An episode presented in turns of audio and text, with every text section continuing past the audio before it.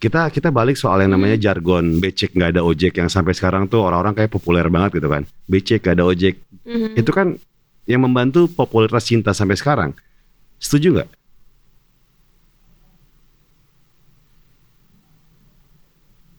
Soal jargon itu. Dan kayaknya orang nggak bakal lupa akan itu ya kali ya. Howdy. Ngobrak, ngobrak, ngobrol, ngacak, ngobrak, ngobrol ngacak. Gue Farben Sokin balik lagi di ngobrak ngobrol ngacak. Akhirnya gue kesampaian juga nih bertemu dengan kita udah janjian berapa lama? Kita udah setahun. Setahun janjian. Terakhir aku ketemu kamu itu di radio dan Ya. lagi promo single baru aku Vida. Yang Vida. sekarang udah nggak baru lagi ya. But it was new back then. Kenapa? Tapi aku excited banget sih tahun lalu karena itu kan lagu pertama aku setelah tujuh tahun break dari dunia Iya musik. betul dengan warna yang Baru. baru. Dan benar-benar sesuai dengan keinginan dan personality aku. Tapi jujur gak itu hasilnya sesuai dengan kepentingan eh, iya, keinginan kamu gak?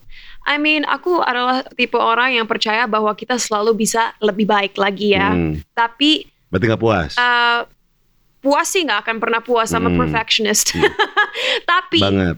tapi uh, yang pasti untuk pertama kalinya aku bangga dengan karya musik aku itu di lagu Vida. Oke. Iya. Karena kan eh, lagi hype-hype-nya yang sedikit-sedikit Latin gitu ya. Uh, I mean kalau kalau di Amerika dan di Eropa sih udah mungkin 2 3 tahun terakhir musik-musik reggaeton atau Iya, Latin iya. itu udah mulai benar-benar take over ya. Ah. Di Indonesia udah ada beberapa lagu kayak Despacito yang terkenal, tapi orang-orang masih kurang aware bahwa itu genre reggaeton. Oke. Bukan reggae ya, reggae dan reggaeton beda. Beda. Reggae itu kayak Bob Marley. Bob Marley. Kalau reggaeton itu kayak J Balvin, Ozuna, Oh. Anuel AA. Dan kamu suka dengan itu? oh my god, I mostly listen to Latin music. Mungkin Apakah itu lagu yang bikin kamu ngedance atau seenggaknya kayak goyang-goyang pundak? absolutely. Kayaknya di kehidupan aku sebelumnya, aku mungkin dari Amerika Latin atau dari Spanyol, Mm-mm. makanya setiap denger lagu reggaeton tuh langsung yang Jadi kamu percaya bahwa dulu reinkarnasinya dia dulu hidup di Amerika Latin ya? I don't know if I believe in reincarnation, tapi uh, saking sukanya sama lagu Latin, kadang-kadang aku mikir kenapa suka banget. Padahal papa aku orang Jerman. Heeh. Kalau orang Jerman kan sangat "Huh." Kalau Iya. orang Indonesia kan uh, kalau mungkin ada yang suka dangdut, ada yang suka lagu daerah, ada yang suka lagu galau. But I like Latin music. Oke. Gitu. Oh, kalau musisi Indonesia yang kamu paling suka siapa? Eh, aku menurut aku banyak sekali musisi yang talented banget ya. Yeah. Tapi lagu Indonesia Yeah. yang aku suka sekali itu Sempurna, Andra and the Backbone. Andra and Backbone. I love that song. Oke. Um, I mean beberapa dari yang aku suka teman-teman aku like Vidi Aldiano. Aku Ah. suka lagu-lagu dia yang I Don't Mind, Ready for Love. Oke. Eh, Kalau band, band Indonesia ada nggak kamu suka selain si Andra and the Backbone itu yang lagunya sempurna? aku kan baru benar-benar tinggal di Indonesia waktu masa remaja ya. 16 tahun. Enggak, 12. Oh, 12, 16 tahun, baru ya. keluar lagi ya. Eh, 17 Oke. baru keluar lagi. Ah. Jadi mungkin sempat ada band-band besar seperti Dewa dan lain-lain Oh. yang aku tahu, Ah. tapi uh, you know mungkin aku nggak bisa langsung kasih title lagunya. Mhm. Tapi kalau dengar lagunya tahu. Oh, yang gitu. ini. Iya. Tapi kan kamu sempat sama Ahmad Dhani kan? Yes. Manggung kan? Eh, sebenarnya aku harus berterima kasih banget sama Mas Ahmad Dhani Hmm. karena dia salah satu orang pertama yang ngasih aku apa ya chance untuk nunjukin bahwa aku juga suka musik. Dulu bawain lagu apa pas duet itu? Uh, kita perform di acara award show di TV mm-mm. nyanyi lagu Umbrella tapi Oke. dibikin rock. Oh. So Umbrella Cinta Laura Kiel featuring Ahmad, Ahmad Dhani. It was pretty cool. Kayaknya kalau ke YouTube masih ada deh. Oh my god, itu aku masih umur 13 tahun masih yang dressnya melorot-melorot. It was so funny. Beneran dressnya tuh melorot-melorot kelihatan kalau aku lagi nyanyi aku sambil yang sambil sambil insecure ini jatuh apa enggak gitu ya. exactly, exactly. But I had so much fun. Oh, oke. Dan dari situ aku masuk label dan Ah. nyanyi lagu-lagu seperti ya yang dulu orang suka kayak Oh Baby, Guardian Angel, Ya. Shoot Me, Tulalit, etc. etc. Oke. Love Needs Money. Kalau misalnya eh pas saat eh, sama Ahmad Dhani duet. Mhm. Latihannya lama gak sih? Waktu itu 2007 uh, enggak kita masuk recording studio, Mm-mm. kita latihan bentar di recording studio tapi langsung direkam gitu Hmm, suaranya. Terus oke. waktu perform itu enggak ada latihan, hanya ada GR. Mm-mm. And I mean, you know, I think that's why there's such a difference between my music then and now karena dulu kan aku sambil sekolah, iya. sambil wah ngebalance semua Ha-ha. kan. Kalau sekarang aku udah selesai sekolah, aku bisa 100% fokusin pikiran aku dan energi aku ke karir aku. Jadi sekarang tuh kalau latihan bisa sampai dua bulan. Kayak Vida itu dua Ya. bulan latihan dance-nya, bikin konsepnya, eh, ngesetnya. Makanya kok secara kualitas jauh berbeda karena preparasinya juga Betul, beda. betul. Gitu. Dan itu syutingnya di mana sih? Vida. Iya. In Jakarta. Di Jakarta.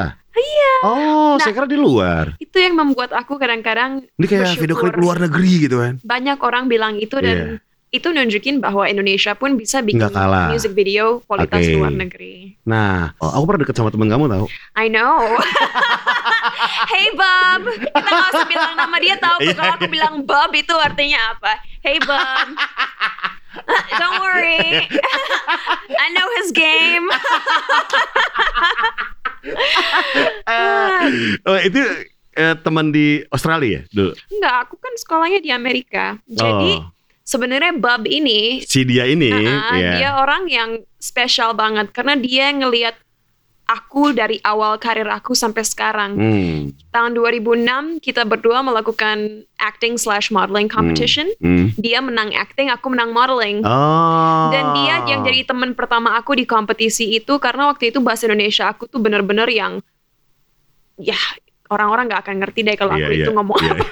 And she was able to speak English. Jadi Oke, aku kan oke. masih umur 12 tahun Iya, kan, iya. masih malu banget. So dia yang membuat aku lebih comfortable dan menjadi teman aku saat itu. And to this day I appreciate her so much. She's such an amazing person. Oke. Ini pod, ini podcast tentang dia ya. Jadi I thought it was about me tapi nggak apa-apa. We can talk about her. Iya, iya. Pengen tahu ya iya, keadaan dia sekarang gimana. Ma- ma- ma- WhatsApp tuh kayak eh, gengsi ya. Iya. masih sering ketemu masih masih. Oh, Mas- aku WhatsApp iya. dia gengsi. Enggak, masih sering ketemu gak sih sama dia? Oh ya, um, sebelum pandemi kita Iya. sempat brunch bareng. Ah, Terus setelah iya. pandemi kayaknya kita ketemu satu kali tapi she has to be careful, right? Hmm. Dia kan tinggal sama orang tua, punya Betul. keluarga, Iya. jadi uh, nggak bisa terlalu seenaknya main-main. Oke, balik lagi ke Cinta Back Laura. Iya, iya. Bye Bob. Eh, Cinta Laura dari eh, kecil di berbagai negara tiba-tiba datang ke Indonesia gitu Hmm. Ya. kan eh, for good gitu ibarat kata terus ada mengalami gegar budaya atau culture shock gak sih yang paling dirasakan apa sih Maksudnya sejak kembali ke Indonesia tahun lalu. iya iya Right. Um, apa yang perlu beradaptasi gila-gilaan tuh aku orangnya sangat straightforward. hmm. Karena kadang-kadang di budaya Indonesia orang suka basa-basi, bukan Hmm. karena punya intention yang tidak baik, hanya emang itu budayanya. Iya, And iya. that's very hard for me. Hmm. Because I'm very honest. Aku Hmm. punya filosofi bahwa aku lebih pilih kamu tahu benar-benar gimana perasaan aku sekarang, apa di pikiran aku daripada aku pura-pura, oh go far, Iya, ah, iya, everything's okay. Nanti di belakang kamu aku bilang, holy, he's such a, Iya, you know? iya. it's better for me to just be honest with you. Hmm. Karena aku orang yang benar-benar I treasure honesty Hmm. gitu. Itu pertama. Kedua, tipe-tipe friendship yang ada di sini. Hmm. Eh, apa nih kultur pertemanan seperti apa yang nggak masuk sama si cinta aku notice bahwa banyak orang di sini bukan semua ya, Iya. tapi banyak orang yang aku perhatikan mereka suka banget ngomongin orang lain, oke suka ikut campur orang hidup orang lain Heeh. dan eh, nggak bisa apa ya keep things confidential. oke dan at, at the end of the day aku nggak bisa ngejudge mereka karena Hmm. kalau emang itu pilihan mereka dan itu pertemanan yang mereka suka ya that's their right tinggal hanya- pilihan kita mau berteman atau tidak iya dan Oke. kalau buat aku itu hal yang sangat susah cause I'm a very private person aku nggak mau ikut campur hidup orang lain aku nggak mau jelekin orang lain aku lebih pilih mikirin jalan hidup aku Mhm. bagaimana aku bisa jadi role model yang baik Hmm. dan gimana aku bisa terus maju supaya selain punya karir yang bagus tapi juga bisa mempunyai impact yang positif terhadap orang-orang yang mengikuti perjalanan karir aku. Tapi bukan di luar di semua negara mungkin sama of kayak of course. kayak banyak yang tukang gosip, Mhm. yang ngomongin temen di belakang. Kesannya tuh kayaknya mereka tuh kayak wah kita sister banget, Oh. tapi di belakang tuh masih ngomongin 100% itu Iya. ada pasti di negara mana pun. di negara Tapi mana Pak?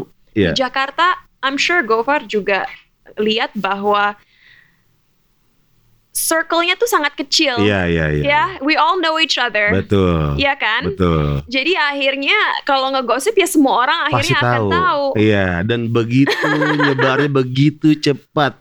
Iya. Bahkan gosip itu bener atau enggak ya? Tapi nyebar begitu cepat aja. Yes. nah, tapi serunya lagi adalah cinta bisa beradaptasi dengan itu. I'm trying to, Hmm. tapi aku tetap uh, berusaha me- membuat distance ya, Hmm. karena aku nggak mau. uh, ada ada beberapa hal yang harus aku harus benar-benar beradaptasi, Ya. kayak lebih memikirkan cara bicara aku kepa- kepada orang lain Ya. supaya nggak sakit hati. Karena kalau buat aku straightforward, tapi Hmm. buat orang lain mungkin, wah kenapa sih dia begini ke aku, like nggak sopan banget, padahal bukan itu Hmm. maksud aku.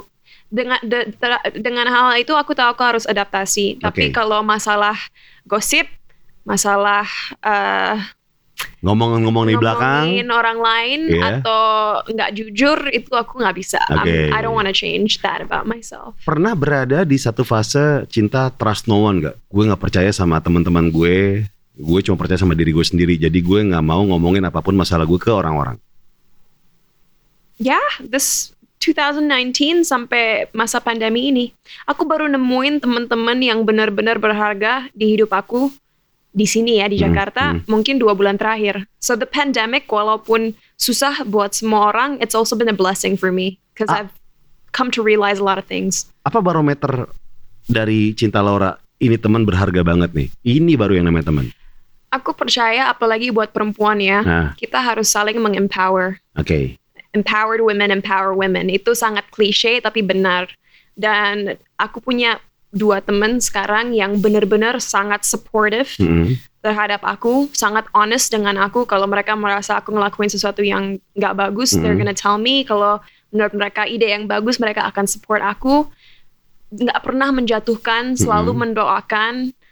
Uh, dan mereka tuh energinya positif sekali Hmm. dan ya sebagai manusia kita semua pasti pernah ngejudge ya. Iya, Tapi iya. bisa iya. dibilang kalau kita ngelihat spectrum, judgment level mereka tuh benar-benar hampir nol, mungkin hanya 2% Oke. gitu. like they're such angels. I feel like God has sent me angels. Oke. Dan mereka sekarang dua orang nih. Ya, Set- cinta baru namanya dua bulan ini pas pandemi. ya two three months. Oke. Ya. Itu kenal di mana sama teman-teman ini? Udah lama? Eh, kan tiga baru tiga bulan. Oh baru tiga So, bulan kenalnya. Ini teman-teman aku yang di sini ya. Oke. Kalau teman-teman aku yang di Amerika beda lagi. Oke. Um, tapi di sini Kenalnya di mana? waktu itu aku eh, Kak Dian Sastro, Hmm, uh, Luna Maya Mhm. dan beberapa teman-teman kita yang lain, uh, Nirina Zubir, hmm. kita semua uh, lari di daerah SCBD karena Iya. kan sejak pandemi ini lari sama naik sepeda trend kan. Olahraga. And then mereka ikut lari. Di- Uh-uh. Kita dikenalin karena salah satu temannya Luna bilang, "Eh, I think you guys will like each other." She also went to Columbia. Jadi kita ke kul- uh, universitas yang sama. Oke. Tapi dia buat S2-nya. Hmm, So she's very smart. hmm. Ah, dan iya bener ketemu, ketemu ngobrol langsung klub. Oh, justru di pandemi ini ya pas lagi olahraga ya? Iya. Dan I mean, mau gimana lagi ketemu orang di masa pandemi ini? Iyalah, Kebetulan aku punya habit yang sehat, so Eh. I work out a lot. Iya. So aku pasti ketemu orang yang like-minded. Gak mungkin aku ketemu orang yang sukanya rebahan. Gila nih anaknya olahraga banget loh cinta lo. Yes. Parah. Saking sehat banget. Pokoknya dari makan semua diatur banget sampai olahraga. Tadi apa? Mau nurunin sampai berapa persen? Jadi aku selalu bilang untuk teman-teman di luar sana ya, don't think about your weight. Hmm. Berat badan itu uh, unit yang salah Hmm. untuk melihat kalau kita itu kondisinya sehat atau enggak. Lihat Hmm. fat percentage, kadar lemak. Caranya gimana lihatnya? Uh, ada alat kayak Hah? timbangan gitu, tapi Mm. juga ngukur berapa berat air kita, Hmm. berapa berat tulang kita, Hmm. lemak kita, otot kita ada. If you go to a gym bisa. Mm-mm. And kalau buat perempuan atletik itu 14 sampai 19 persen, Mm-mm. 19 sampai 24 itu normal, 25 sampai 29 masih o- udah mulai udah menuju. mulai nggak bagus, Ah. udah menuju obese. 30 ke atas itu obese. Duh, gue berapa ya? Kalau atlet yang benar-benar kering, Iya. kalau perempuan itu kira-kira 12%. Kalau perempuan sebaiknya jangan di bawah itu karena bisa malah nggak sehat. Dan cinta mau nurunin sampai 14%. aku pengen 14 karena sebelum pandemi aku 15,3%, setelah pandemi Wow. 18. Aku pengen turunin lagi ke 14-15%. Sampai dihitungin segitunya ya. I'm not I'm not counting my weight karena kalau teman-teman tahu berapa berat badan aku banyak yang shock. They think I'm like really really skinny but I'm not. Oh ya? Yeah. 45 Untuk- ada? Mm, Enggak. 45. Iya. You think I'm, banyak orang pikir aku 45, Tapi 55. ah yang bener loh. Yeah, I'm 55 Oh, ya? kilos. Yeah. Yang membedakan apa tuh? Si kadar lemaknya ini berarti? Eh, kenapa bisa 55 kilo? Karena berat di otot. Oh, oke. Jadi dengan mesin itu kelihatan kalau aku sama sekali kalau misalnya kita buang semua lemak dalam badan aku ya, Hmm. let's say we like vacuumed it out, Ya, berat aku masih 45 kilo.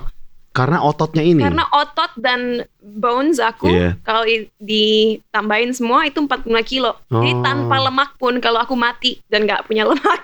Because if you don't have fat, you're gonna die. Especially as a girl. ya kalau cewek nggak ada lemak kita mati. Iya, iya, iya. Um, kalau nggak ada lemak sama sekali di badan aku, aku tetap 45 kilo. Jadi kadang-kadang aku pernah sempat kurus banget. Hmm. Tapi kurus banget buat aku itu 50 kilo. Sekurus-kurusnya. dan itu udah kelihatan kurus ya orang-orang Oke. udah yang oh my god are you okay I'm like Oke. yes I'm 50 kilos but people are like karena kalau aku beratnya 50 itu kadar lemaknya tuh udah 12% Oke. Jadi kalau misalnya ada teman-teman di sini yang pengen ngurusin badan, don't think about your weight that's the worst oke. way to measure whether you're in a good condition or not Oke. Dietnya apa sih makanannya dijaga, dijaga banget nggak sih? Eh, aku makannya normal aku nggak percaya bahwa nggak makan itu cara untuk kelihatan fit that is Hmm. wrong caranya adalah konsumsi banyak sayur-sayuran karena Oke. fiber dari sayur bisa membantu metabolism kita dan juga membuat kita lebih kering Hmm. You know? and then protein protein itu penting banget tapi kalau aku nggak makan daging merah sama sekali Makannya ayam. seminggu lima kali ikan Hmm. seminggu dua kali ayam Oke. Uh, Diatur tuh. yeah because I prefer fish Oke. Uh, dan Ikan apa yang paling suka? salmon Salmon. Iya. Ikan kembung nggak suka ikan kembung? Enak tuh. Ikan kembung. aku kayaknya pasti udah pernah tapi Oh aku iya. nggak tahu Na- itu namanya ya. Oke. I like gurame Gurame. I love gurame Gue juga suka gurame. Aku Suka sambal nggak sih? I love sambal Suka pedas? banget Sambal Indonesia juga? suka banget Oh. aku kalau masakan Indonesia sukanya dua Sunda sama Bali Oh, Sunda enak. Iya, jadi Iya. sambal tomat ya, pakai nasi merah, Hmm. pakai tempe. Duh, Ya, terus pakai ayam bakar atau gurame goreng. gurame yang sayap gitu. yang Set, gini, iya, ya. Tapi yang kering banget. bumbu-bumbu ya, Iya, hanya iya. gurame Cuma yang biasa. digoreng. Mm-mm. Berarti makanan goreng nggak apa-apa? Once in a while nggak apa-apa. Oh, karena gurame rebus nggak enak kayaknya. Enggak. But I Gurame love goreng. it. Oh Ya, iya. terus, uh, apa Sama lagi lagi makanan Sunda yang suka.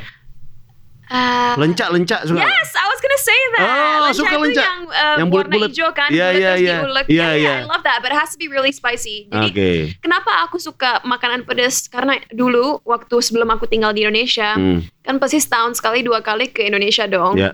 Terus tante aku, kakaknya mama aku punya suami dari Padang. Hmm. dan ada fish dish yang dia masak bumbunya bumbunya ya Hmm. satu kilo cabai rawit ya so I would eat that Yeah. when I would come to Indonesia Yeah, yeah. dan waktu masih kecil tuh sampai nangis nangis tapi enak kan because it's so spicy dan sampai sekarang keterusan kalau masakan Indonesia nggak Nggak pedas? nggak pedas aku nggak suka Oh. it has to be very spicy Jadi makanan Sunda, makanan Padang suka ya?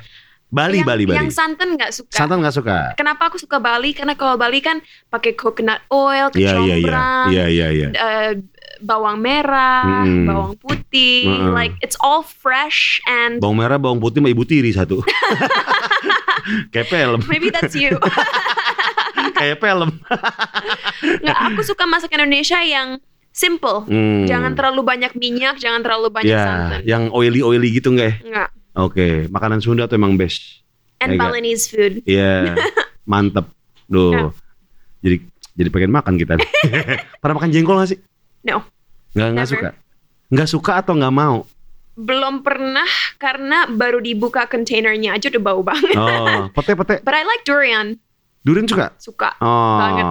Pete pernah waktu masih kecil karena ikan itu yang dimasak tante aku pakai pete. Ikan apa? Ikan peda ya? Yang asin. Tongkol. Oh, tongkol. Iya, iya, iya, Tongkol. iya. Pakai pete tuh. Aduh, enak Iya. banget. Iya. Ya, Terus eh, apa namanya? Oke, diet, diet nih. Iya. Nasi berarti makan nggak? Nggak. Nasi putih nggak makan? aku sukanya bikin quinoa Hah? atau kalau nasi nasi merah atau nasi brown rice gitu. Kalau nasi putih nggak nggak suka? Bukannya nggak suka, Nggak- nggak tapi makan? nggak aja. Oh, ketupat, ketupat nggak? Nggak. Lontong, lontong. Bacang, bacang nggak? Malah nasi semua itu. Iya. Oke, pokoknya nasi putih nggak suka. Tapi ya, eh, cinta ya, Mhm. gue tuh merasa ya ketika misalnya gue besok, mis- misalnya gue gue udah ngeliat nih, besok dari pagi sampai malam gue udah kerjaan full banget, Hmm, gue nggak bakal makan nasi. Karena kalau gue makan nasi, Untuk. nggak bisa mikir. Oh really? Iya. Kayak wah, wah, kayak zombie. Hmm. Baunya rebahan mulu. Hmm. Gak bisa mikir. Jadi gue mendingan makan kayak dagingnya aja, sayurnya dibanyakin. That's good. Iya. Itu caranya biar lebih fit. Ini makanya hasil begini. Saya turun lemak 14% sekarang. Tapi minumnya kan banyak. Iya. There you go. Iya That's lagi. empty calories right there. Biar minum gak sih? Alkohol nggak? Apa apa aku kan orang Jerman, Iya. so he likes beer. Wah iya, Gitu. udah wajib banget dong. Bagi orang Jerman gak ngebir tuh gak, gak, gak Jerman banget gitu. Iya, tapi nggak suka. Apalagi kan kamu punya uh, business burger kan. Iya. Kalau burger, French fries with beer, it's the it's the right combination. Itu pas banget, udah matching banget deh. Tapi kebetulan karena aku hidupnya sehat, Iya, iya. Eh, menjaga itu semua ya. enggak. olahraga, olahraga apa yang dilakuin olahraga? Um, Sepak takraw kah atau apa gitu? What's that? Itu kayak permainan yang us gitu. Yang, uh, Enggak, gitu. jadi aku punya personal trainer Hmm. dan itu ngangkat beban, ngangkat beban yang berat-berat. Oh, Kayak sumo squat aja aku pakai 24 kilo. buset, serius? Iya. Terus uh, ya pokoknya aku punya Yang kayak PT. binaraga-binaraga gitu? Uh, biasanya pakai kettlebell. Oh, kan iya iya iya. squat. Iya, Kalau iya, squat iya. biasa yang thrusters Mhm. 8 kilo 8 kilo jadi 16 kilo total. Hmm. But anyway, my point is aku punya PT. Biasanya aku training sama dia empat eh, tiga kali seminggu. Hmm. Dua kali seminggu aku ke gym temen aku. Jadi itu kayak hit training, high Mhm. intensity. Uh, terus minggu sekali sebelum pandemi sih Muay Thai atau kickboxing. Oke. Gitu. Olahraga yang paling pol-polan nih, eh, efektif untuk fit dan menjaga berat tubuh apa? Kayak katanya Muay Thai ya? Muay Thai is great untuk ngebentuk tangan. Hmm. Tapi ini apalagi buat cewek-cewek yang nonton ya. Hmm. Banyak cewek apalagi di Indonesia aku sering banget denger bilang ah nggak mau ngangkat beban nanti malah gede. That is wrong. Katanya takutnya bulky-bulky Kalau gitu. kalian mau turunin berat badan, mau ngebakar lemak, mau badan yang lean, yang Hmm. kering, harus ngangkat beban. Oh, Tapi tekniknya harus benar dan kalau kalian kurang familiar dengan olahraga, sebaiknya pakai PT yang benar-benar tahu, um, you know, oke. tekniknya, teknik yang caranya benar. gitu iya, ya. gitu. Iya. Karena aku ngangkat beban lima kali seminggu. Nggak mungkin badan aku kayak sekarang kalau nggak ngangkat beban. Berarti dia datang ke tempat kamu gitu. Nggak, aku dia punya private gym. Oke. Gitu. Tapi um, what else was I gonna say? Sel- untuk nurunin berat badan pe- penting banget tidur cukup. Wah, 8 jam minimal ya. 6 ya, lah ya. 6 sampai 8. Iya, iya. Karena apalagi untuk perempuan kita ada yang namanya cortisol belt. Hmm, apa tuh? Sabuk kortisol. Kortisol itu adalah hormon stres. Kalau Oke. kita stres, kortisol naik. Itu di cewek? Dan itu laki juga. Jadi Oh. if you're stressed, makanya kita berlemak sininya. Wah, gue stres mulu dong. Enggak. Jadi ada tiga faktor: stres, tidur nggak cukup, Hmm. dan makan yang nggak sehat. Hmm. And I think you do all those three things, right? Iya juga sih. Iya. Emang, iya. Kalau aku tidur cukup, makan sehat tapi stres, jadi makanya nggak bisa bener-bener ngilangin lemak sini.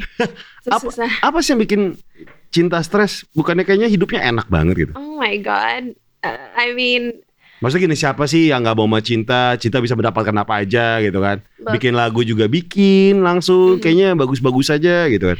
kalau secara objektif, aku harus bilang bahwa aku tahu aku harus bersyukur. Hmm. I know that I have a very good life. Hmm. dan ah seharusnya aku nggak boleh complain tapi sebagai manusia pasti kita selalu kadang-kadang merasa ada yang kurang ya. Betul. Dan kalau buat aku source of stress adalah merasa aku masih belum mencapai apa yang aku mau dalam hidup aku. Aku harus bisa kerja keras Mm-mm. lebih lagi bukan untuk uang, Hmm. to build a legacy. Oke. Achievement berarti ya. Uh, I mean kita semua punya mimpi sendiri kan buat hidup kita. Hmm. You know, I don't want to get too personal karena ini masih sangat private, tapi kadang-kadang yang membuat aku stres adalah aku mikir aku sukses nggak ya? Apakah aku udah melakukan cukup buat orang-orang di sekitar aku? Hmm. But you know, I feel stressed because sometimes I feel like I haven't done enough. Hmm. Berarti insecure sama diri sendiri. Uh, insecure ada banyak definisi Oke, ya. Ya. But yeah, sometimes I'm like, I haven't done enough. Aku belum melakukan cukup.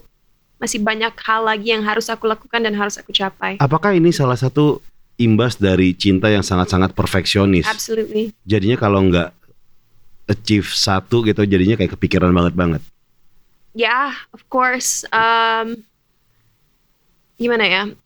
Aku orang yang perfectionist dan aku orang yang suka mengatur segala hal dalam hidup aku. But at the Hmm. same time, you can't control life. Hmm. Apalagi semakin dewasa kita, apalagi setelah sekolah, lulus Hmm. sekolah, hidup itu unpredictable banget, Betul. ya kan?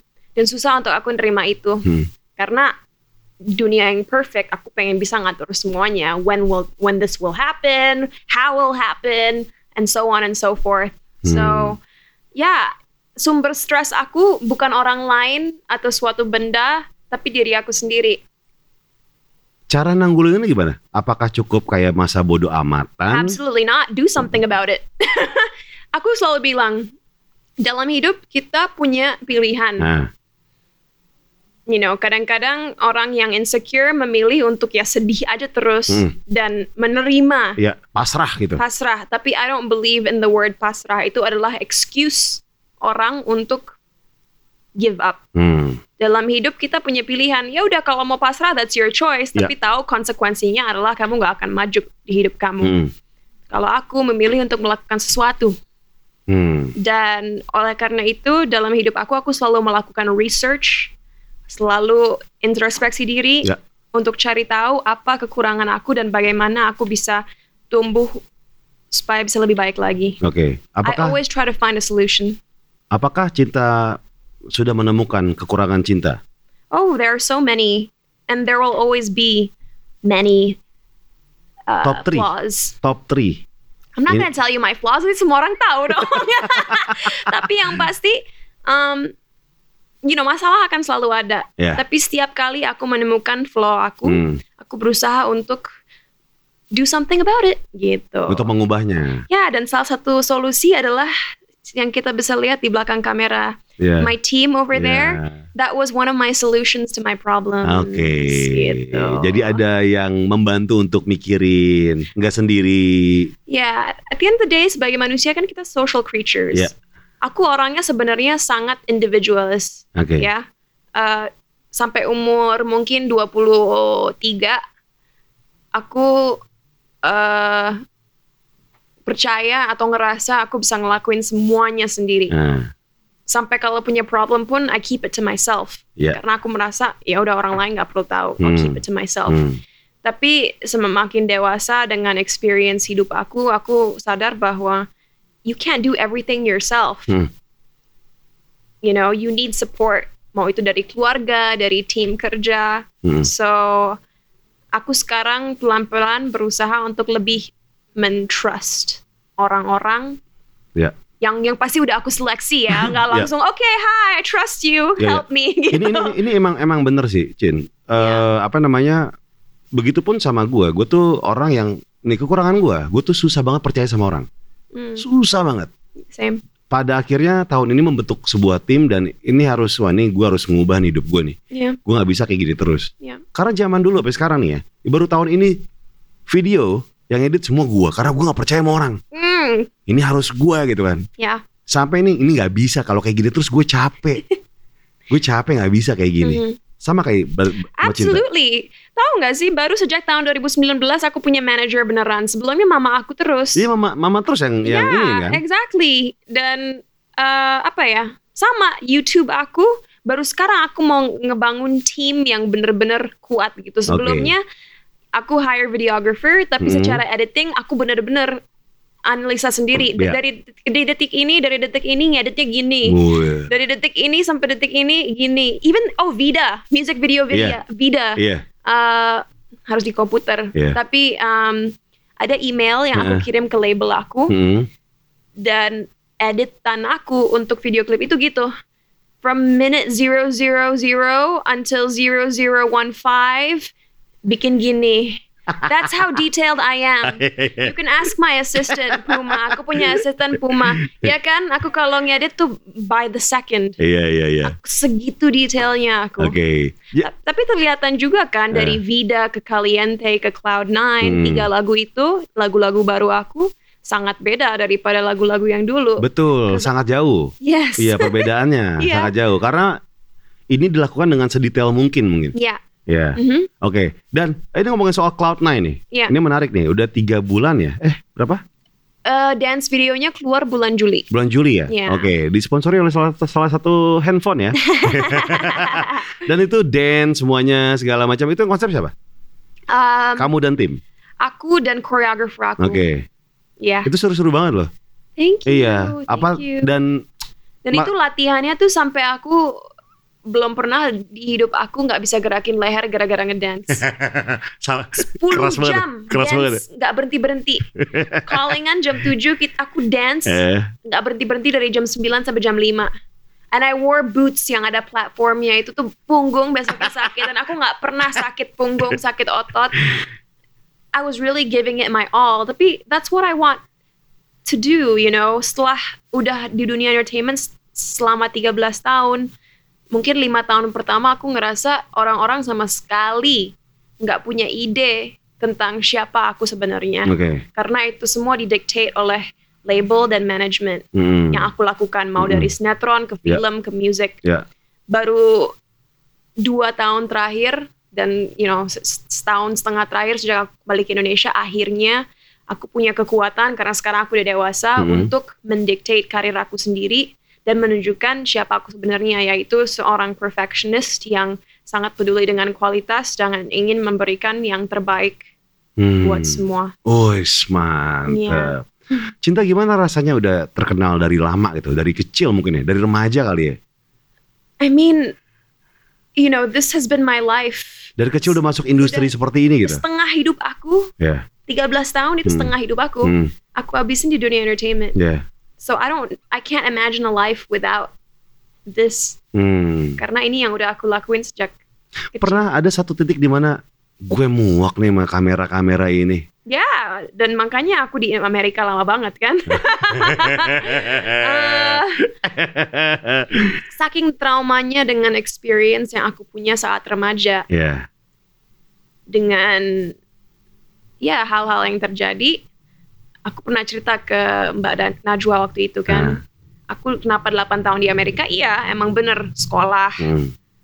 eh, dan juga belajar acting lebih dalam Mm-mm. dan juga melakukan beberapa film-film Hollywood di sana tapi faktor keempat kenapa selama itu karena waktu itu aku perlu waktu untuk nyembuhin hati dan pikiran aku dari Karena- trauma yang aku alamin di sini. Karena keglamoran di No, industri ini. Tapi think about it. Waktu Gofar umur 13 tahun bisa dianggap Gofar masih anak-anak kan? ya masih SMP. Masih bisa dibilang nggak tahu identitas diri sendiri Betul, kan masih betul. nyari Betul, gitu. betul. Yang pasti belum confident juga Hmm, karena masih hmm. nyari siapa diri Ya, mau ke mana nih gue sendiri, ya, gitu. ya kan? Ya. and that's when I entered the industry itu yang itu waktu di mana aku mulai dunia entertainment kan Hmm. dan you know jokes jokes yang orang buat tentang aku tentang aksen aku Hmm. saat masih kecil dulu aku interpretasinya adalah oh mereka ngejelek-jelekin aku mereka ngejatuh-jatuhin aku Hmm. mereka ngebenci aku Hmm. padahal sekarang setelah dewasa aku sadar bahwa oh people actually liked it buat mereka itu adalah sesuatu yang entertaining Hmm. ba- banyak orang malahan berpikirannya bukan pikiran negatif. Hmm. Menurut mereka, oh ini lucu nih. Ya, jadi bahan yeah, lawakan. it's cute, like keren, Ya, ya. you know. Tapi buat aku sebagai remaja muda itu experience yang sangat shocking dan sempat banyak orang juga yang ngomong oh aksennya hanya pura-pura doang sok-sokan doang biar populer padahal tumbuh besar aja nggak di Indonesia sekolah bahasa Inggris Hmm. ya normal dong sama kayak kalau kayak anak Indonesia misalnya suruh pindah ke Inggris tapi dari kecil hanya bahasa Indonesia pasti dia cara bahasa Inggrisnya nggak akan seperti native speaker Iya, ya iya. kan Hmm. um, so that was very hard for me uh, so yeah I felt like I was being attacked Hmm. gitu Tapi cinta sadar gak bahwa itu membantu popularitas cinta? Kita kita balik soal yang namanya jargon becek nggak ada ojek yang sampai sekarang tuh orang-orang kayak populer banget gitu kan. Becek gak ada ojek. Mhm. Itu kan yang membantu popularitas cinta sampai sekarang.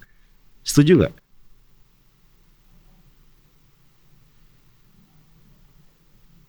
Soal jargon itu. Dan kayaknya orang nggak bakal lupa akan itu ya kali ya.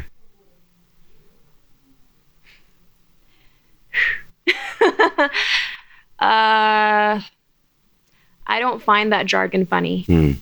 at all Hmm. Oke. Dan aku tahu niat Gofar bukan jelek. No no no no Tapi- sama sekali nggak. Ya. It makes me very upset. Oh sorry sorry tapi gue pengen kayak flashback sedikit soal itu dan sampai sekarang entah kenapa jargon itu sangat melekat di cinta gitu kan dan sedikit banyaknya jargon itu yang membantu cinta dikenal sama orang sampai sekarang meskipun dengan cara yang cinta nggak suka gitu bullying. Ah, oke Itu adalah sebuah bullying yang verbal. Hmm. Karena pikirin aja. Ini yang kadang-kadang membuat aku agak frustasi ya. oke Untuk apa? Dan ini yang orang pikirkan waktu itu. Untuk apa aku masuk ke dalam studio, rekaman, dan bilang kata-kata itu? Hmm. Why? Why would I do that? Nggak ada alasan Hmm. untuk aku ngelakuin itu. cuma kata-kata biasa aja Karena yang buat jargon itu pun bukan aku. I don't even know who made it. Karena ada orang yang waktu itu ngambil suara aku dari Uh-huh. sinetron aku. nah, Kebetulan di sinetron aku ada uh, kalimat itu. oke Dia ambil, dia mix and match, dibikin remix, dibikin lagu. Ya. Akhirnya jadi deh jargon itu. Dan tiba-tiba jadi viral. booming sebelum kata viral ada udah jadi viral. um, I didn't think it was funny. yes I tapi thought it was offensive. eh sorry ya cinta ya nggak bermaksud seperti itu Ya. Eh, apa namanya karena entah kenapa masih sangat melekat di diri cinta gitu kan sama orang-orang sekarang Hmm. dan bagi cinta itu kayak ini nggak oke nih kata-kata ini Enggak. ini adalah bentuk bullying Sampai-sampai pernah bukan beberapa kali sih ya di mall atau di jalan lupa ada orang yang ah cinta Laura. Terus kat- bilang jargon itu. Hmm. aku putar balik bilang apa? Apa? Enggak, aku gitu ke dia. Aku ngomong gitu. Tadi bilang apa ya? oh. Oh ya? nggak? Nggak lucu. So, Oh, I would ya? walk away. Karena kadang-kadang emosi umur 13 tahun nggak bisa dikontrol kan? Oke oke. So I jadi was very upset. Jadi ini yang nggak disadari sama orang-orang cinta. Bahwa dikiranya dengan cara mereka kayak gitu ke cinta, gue pengen akrab nih sama cinta. Ini salah salah satu bentuk komedi yang mungkin bisa mengakrabkan cinta dan fansnya. Bagi cinta itu sama sekali nggak oke ya. Tapi mungkin ya itu di mana aku juga merasakan culture shock sebagai Hmm. anak anak kecil waktu itu. Ya. Kan waktu masih kecil aku di luar negeri. Setelah itu kembali ke Indonesia, Hmm. masuk dunia entertainment. Hmm, Mungkin di Indonesia membuat jokes yang bisa dibilang slapstick, hmm, nggak apa-apa. Hmm. Ah, bercanda. Tapi buat aku dari apa ya? lensa budaya lain buat aku itu hinaan. hmm, Oke. apalagi seperti Gofar tahu sekarang ya mungkin sekarang aku lebih dewasa tapi waktu umur 13 tahun pun aku udah perfectionist Hmm, aku udah kompetitif aku udah jadi orang yang sangat serius di umur segitu hmm. jadi untuk orang berpikir bahwa aku mau melakukan jargon seperti itu agak kayak ditusuk gitu Oke oke. Ini kayaknya sengaja dibuat-buat gitu ya. Itu kayak nusuk banget ya. because that's not the image I wanted for myself. Okay. Mungkin again, mungkin aku di Amerika selama itu karena aku sempat marah. Hmm. Dan kalau kita belum bisa maafin kan susah. untuk kembali. Gitu. Sampai segitunya sih. Sampai sampai Yeah, Every time I would fly to Indonesia waktu itu, aku langsung ngerasa anxious, gelisah, kayak panic attack gitu. Oke. Karena aku merasa pasti akan ada beberapa orang yang langsung Mengingat, jokes itu. Dan iya. I don't want to remember it because it was a very hard time in my life. Dan waktu itu eh, sebagai anak high school, teman-teman aku juga itu dong. Bukan teman-teman, I can't call them friends because they were awful. Iya. But imagine Mean Girls, film Mean Girls, itu tuh kehidupan nyata. Karena Hmm. aku sekolahnya kan sekolah internasional Amerika. Iya. Jadi aku tuh sekolah di situ ngerasa seperti sekolah di Amerika, nggak Hmm. ada bedanya. It's, it was like a Mean Girls movie, and I I was verbally bullied in high school. Uh, never physically bullied, tapi verbal verbal bullying Yeah. itu parah sekali, parah sekali sampai kalau misalnya jalan ngelewatin daerah kakak kelas itu yang aku harus nunduk because I was so scared that they would scream something. Hmm. Tapi, despite all the pain, aku ngerasa itu alasan kenapa sampai sekarang aku nggak bisa menunjukkan kelemahan. Yang aku maksud dari itu tuh aku nggak pernah nangis depan kamera atau Ya. kelihatan sedih. Ya. Walaupun sekarang aku lagi nginget memory yang sakit, Ya. I don't look sad Hmm. karena aku udah mentrain diri aku sendiri dari umur 15 tahun untuk nggak pernah menunjukkan kesedihan atau kelemahan. Because I Hmm. don't want the bullies to get that satisfaction. Hmm. And that's very hard untuk anak remaja Hmm. yang masih jauh dari dewasa untuk bisa harus mentrain diri sendiri untuk squat itu susah loh. Ya. And to keep a smile on her face. Cie. And when I would perform on stage dan ada yang teriak-teriak, hujan becek, that was hard. It was like someone slapping me in the face while I was performing. Walaupun mungkin niat orang itu adalah, yeah, cinta. Tapi di mata aku, it's like, shit, I'm here like trying to balance my work life and my school life and you're mocking me. Dan itu kayaknya salah satu reason kenapa waktu sekolah pun aku selalu berusaha jadi student yang terbaik. Hmm.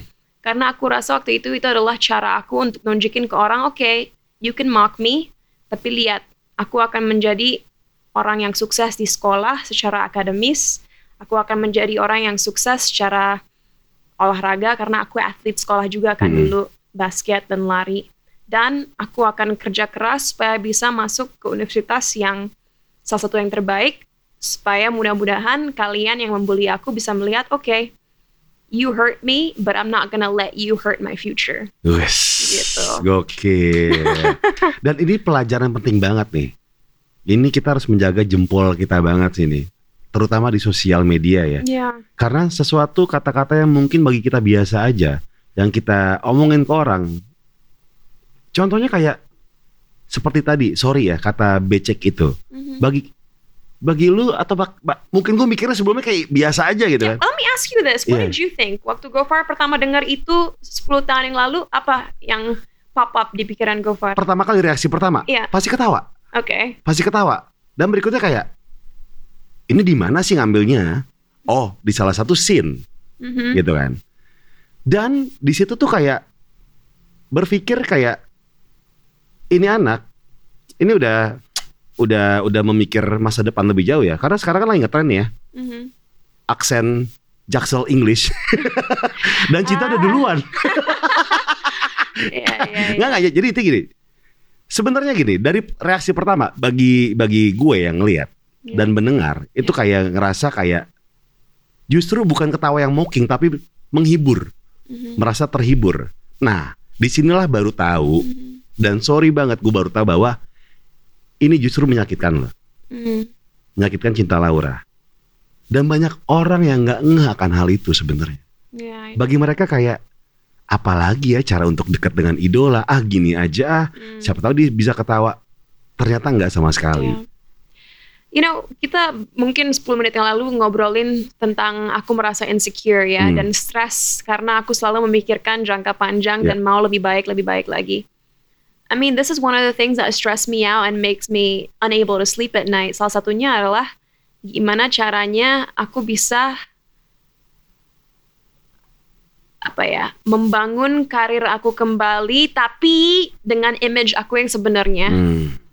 karena untuk 5 sampai 7 tahun karir aku perta- awal 5 sampai 7 tahun awal aku merasa people were using me meaning you know aku bersyukur lagu-lagu aku sinetron aku sukses tapi at the same time kenapa sih label sejahat itu kepada anak remaja sampai lagu-lagunya pun harus yang sepop sugar itu Hmm. kenapa memaksa aku nyanyiin lagu yang aku kurang suka gitu Berarti cinta merasa terpaksa saat itu. yes and no. No because emang aku suka musik Hmm. dan emang masanya waktu itu lagu-lagu yang you know Iya, iya. sangat pop. Tapi yes juga karena pernah ada satu incident di mana aku udah jelas-jelas bilang ke label ini lagu benar-benar nggak cocok sama aku. Hmm. Tolong aku nggak suka. Heeh. Ini aku agak aku pun malu dengernya. Hmm. Tapi tiba-tiba di hari launching album itu lagunya ada di CD-nya Hmm. without my permission. And that was traumatizing again. Lagu apa sih itu? I, don't wanna I don't wanna say Okay. karena kan aku nggak mau tidak menghargai oke. penulisnya. Oke, oke, oke. oke. Ya, Ya, ya. but that was a slap in the face for me. I can't trust people. I can't trust the people I work with. I can't trust my own label. Like, wow.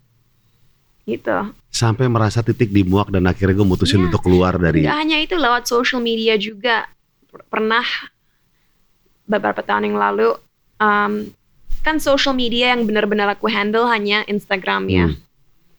Ada platform social media lain yang aku nggak handle sendiri. ya admin ya. Ya ada admin dan you know emang mungkin salah aku juga ya negligence harusnya aku lebih mengecek apa yang mereka posting buat aku Hmm. tapi sempat juga mereka membuat kesalahan besar.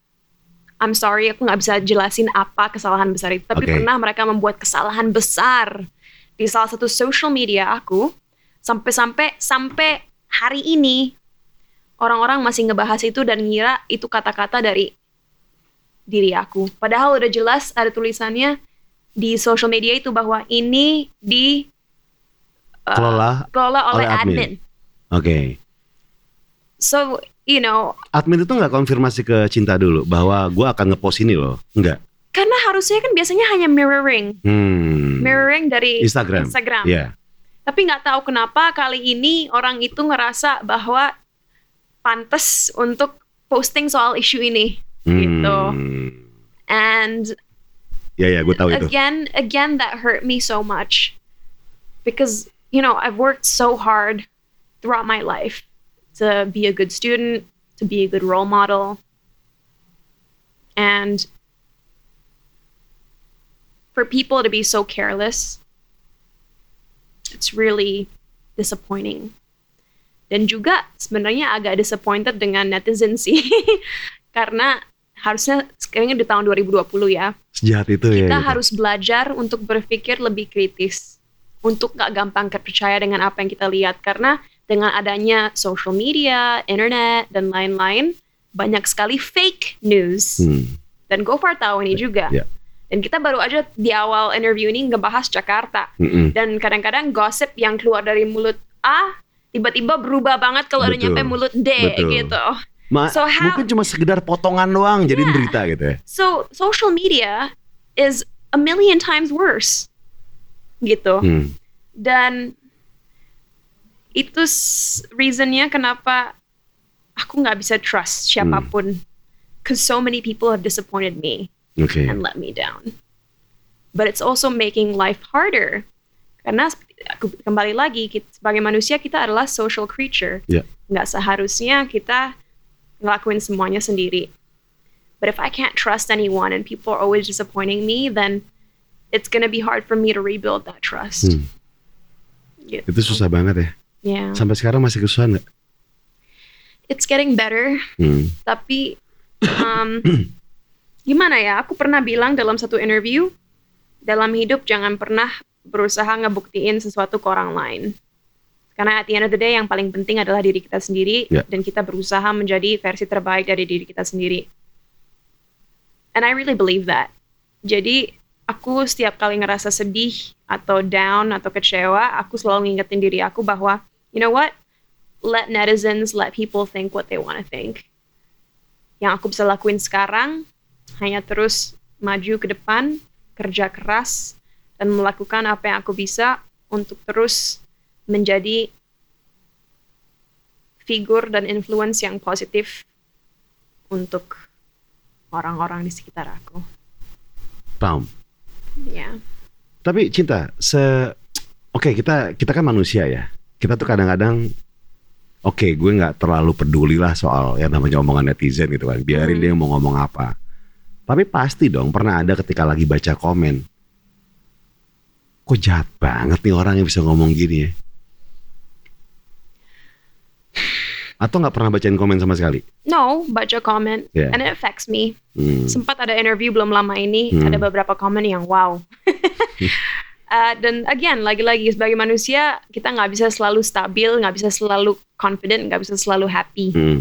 Tapi aku juga sadar bahwa di era digital ini orang-orang yang punya kata-kata jahat itu biasanya orang-orang yang penakut yang hanya berani ngomong itu karena mereka di belakang layar komputer atau Yeah. di belakang smartphone. Ya, lebih Apakah- berani. Ya, Iya. apakah mereka akan bilang yang sama kalau ketemu kita secara langsung? Enggak sih, gue yakin enggak. Yeah, and not only that, pasti deep inside either mereka ngefans banget sama kita atau merasa ada sesuatu dalam diri mereka yang kurang sampai-sampai punya waktu Luang. untuk Yang banyak. bikin paragraf panjang hanya untuk jelekin kita, you know, like if you were secure in yourself, Iya, iya, iya. you wouldn't have to do that, Betul, betul, betul. right? Gue yakin ini, cinta nih. Gue tuh punya teori bahwa kita tuh punya waktu 24 jam, 7 hari dan itu tidak pernah berubah sampai kapan pun. Mhm. Dan energi kita semakin bertambahnya umur, banyak yang harus dibuang energi ini. Nah, karena semakin bertambahnya umur, Hmm. harus milih-milih banget nih mana hal yang harus dibuang energi, mana yang enggak. Kalau enggak ya udah ditiadakan aja dulu gitu. Itu yang yang yang aku pegang sampai sekarang sih dan aku percaya akan hal itu. Nah, tapi kadang-kadang kalau kita melihat kayak ini jahat banget nih meskipun kita nggak peduli ya. Iya. Apalagi kalau misalnya aku nih ya lagi wak, lagi lapar sama waktu luang, bacain komen, oh jangan deh. Mendingan jangan bacain komen pas lagi kenyang aja. Iya. Karena kalau lagi lapar, bawaannya emosi apa segala macam gitu kan. Makanya sekarang itu baiknya sekarang nih ngepost nggak usah bacain komen deh daripada Ya. nanti efeknya gimana ke gua gitu kan. It's hard for me not to read comments though karena Instagram ya. Ya, Uh, aku selalu ngeluangin at least 5 menit setiap hari untuk ngejawab fans. oke. Walaupun kita mengignore yang jahat-jahat, Hmm. kadang-kadang ya kalau lagi nge-scroll nggak sengaja kebaca dong sedikit-sedikit. So it's inevitable. Hmm. But yeah, I mean at the end of the day we just have to be strong. Uh, sadar bahwa orang di belakang layar itu memang punya insecurity sendiri dalam hidup mereka yang mereka nggak bisa cari solusinya. Yeah. So let them be. You know, as long as we're doing our best. Pernah nge-counter gak sih? Ada orang yang jahat komen terus kamu counter di Instagram atau di sosial media lain? Kayaknya pernah, tapi mungkin hanya sekali dua kali. Usually I let my fans defend me.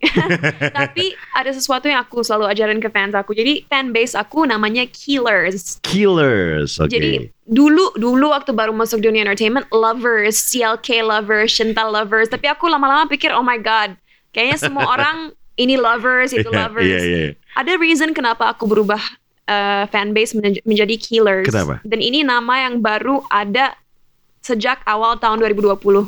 Oh, ini baru berarti Killers baru, ini. baru. Kenapa? Karena dengan experience yang aku punya, Hmm. pengalaman yang aku punya dengan sakit hati yang pernah aku alamin, aku ingin fans aku menjadi simbol kebaikan. Kenapa Oke. killers?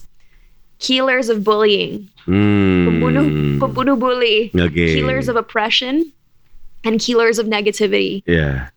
Ah, dan aku selalu bilang ke fans aku, tolong kalau kalian benar-benar mensupport aku dan peduli sama aku, kalau kalian mengcounter kata-kata jahat, Ya. aku ingin kalian lakukan itu dengan cara yang diplomatis, yang sopan, Iya.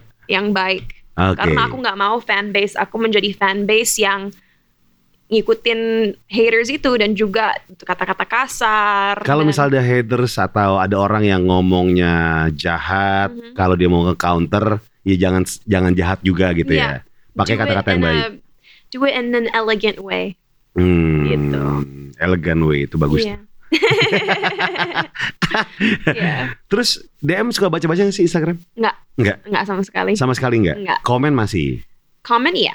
Oke. Kalau DM untuk yang mau kontak aku jangan DM langsung aja ada nomor manager dan Di email situ address ya? manager aku di situ. DM karena nggak bakal dibaca sama dia tuh. Jadi percuma. Iya. Kalau aku tuh sering baca DM, nggak sering sih, mungkin kayak dua hari sekali baca DM. Karena masih banyak kerjaan tuh yang nanya di DM gitu kan. Mhm. Jadi kayak balas-balasannya template. Mhm. Hai, salam kenal. Bisa kontak ini ke sini Iya. gitu. Kalau kamu udah pasti nggak baca DM? Oke. Nah, buat teman-teman di sini nih. buat teman-teman di sini yang masih suka menjahatkan jempolnya ke sosial media alias bullying orang, Iya. ada pesan nggak buat mereka? Hmm. Uh, pesan untuk mereka yang jahat ya. Iya. Uh, aku minta maaf kalian sedang melalui apa ya masa-masa yang susah dalam hidup kalian. Tapi ingat bahwa apa ya? Kalau kalian jahat, mungkin suatu hari kalian sendiri akan merasakan hal itu dan yang pasti kalian nggak mau dong. So treat others like you'd want to be treated. Hmm. How do you say that? Ya, ya, ya. you know dan selain itu apa sih gunanya kalian jahat online apakah itu membuat kalian menjadi orang yang lebih baik apakah itu membuat kalian merasa lebih lega if it does then I don't know what to say. Disappointing sih. Tapi kalau enggak aku usulkan ke kalian untuk mungkin mencari support dari keluarga. Kalau kalian tidak trust keluarga kalian mungkin cari support dari teman-teman. Kalau itu nggak juga nggak ada mungkin seek professional help. Karena nggak ada alasan untuk manusia mana pun untuk menyebarkan kebencian. Oke. There's absolutely no reason for us to do that Hmm. karena suatu negara, suatu komunitas, atau kita pun sebagai individual nggak akan bisa maju kalau hanya ada kebencian di hati kita. And that's Uh. true. Nah, berikutnya pesan buat teman-teman yang lagi dibully di sekolahnya, lagi dibully di hidupnya gitu Mhm. kan. Bisa sekuat cinta tuh gimana caranya? Mungkin bisa sharing ke mereka Ya. cinta. Karena kita sekarang duni- di- tinggal di dunia digital, ingat kalau kalian dibully secara digital, screenshot, screenshot apa yang bully itu katakan karena itu bisa dijadikan bukti kalau sampai kelewatan. Hmm. Kedua, ingat bahwa bully itu adalah orang yang sendirinya punya luka yang sangat mendalam. Jadi harusnya kita sebenarnya kasihan sama mereka. Dia pengen cari mereka men- pembuktian ya. Iya.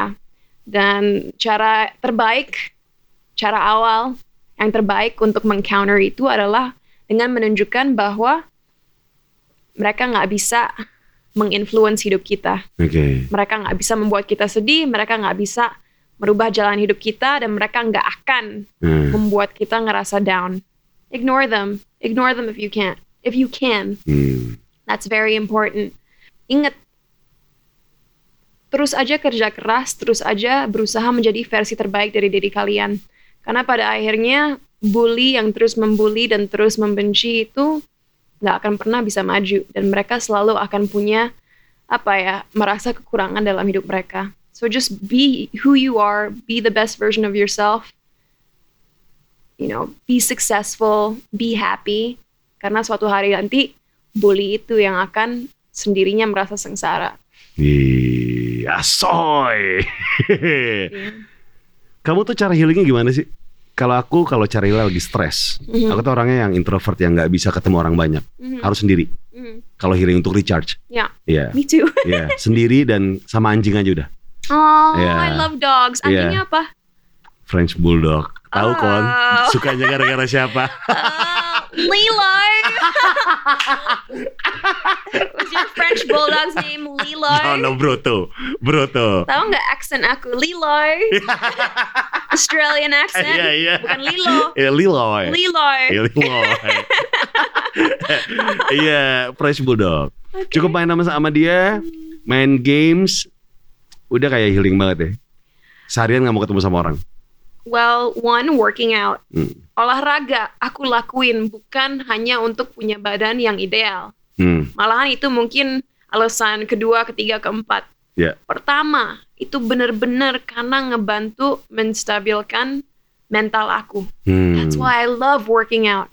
Ngebantu aku tidur, ngebantu aku untuk ngerasa lebih kalem, ngebantu untuk ngerubah mood aku. Hmm. That's the number one reason why I work out. Kedua sama, I'm an introverted extrovert. Jadi Hmm. aku suka sekali ke acara-acara gathering, hangout sama teman-teman. Tapi kalau aku udah pulang di rumah, I have to be alone. Hmm. Makanya aku tinggal sendiri kan. Oke.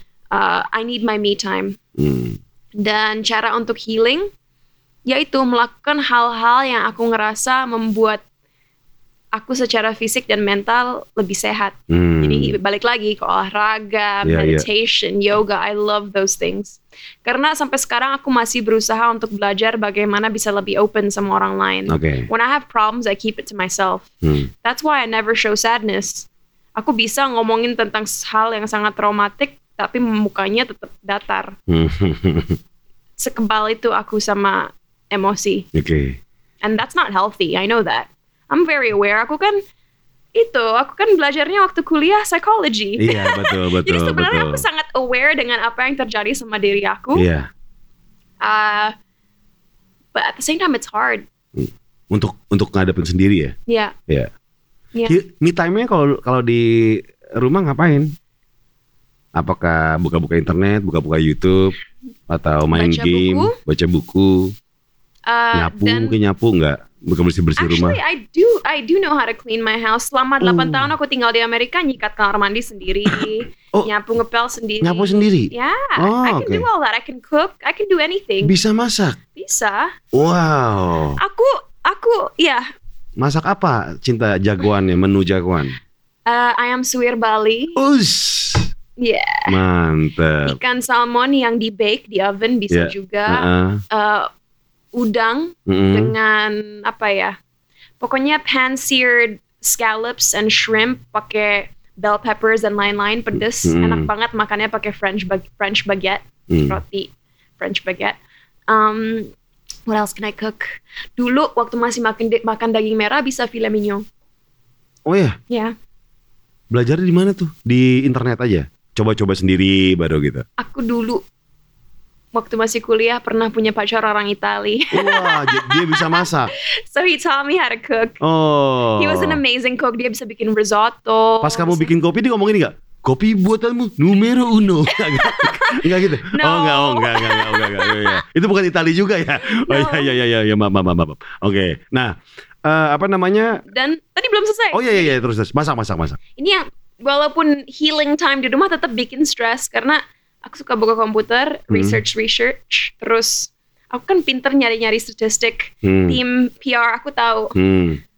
Aku suka ngelihat Google Trends. Hmm. lihat apa yang lagi in, apa yang lagi enggak, gimana statistik aku. It's so Hmm. bad. It's so unhealthy. Karena dari situ aku lihat, oh, bulan Oktober tanggal 20 turun nih. What Oh. happened? Detail anaknya ya. Anaknya detail ya. Oh iya iya. Jadi di rumah tuh bahkan kayak gitu. Iya. Oke.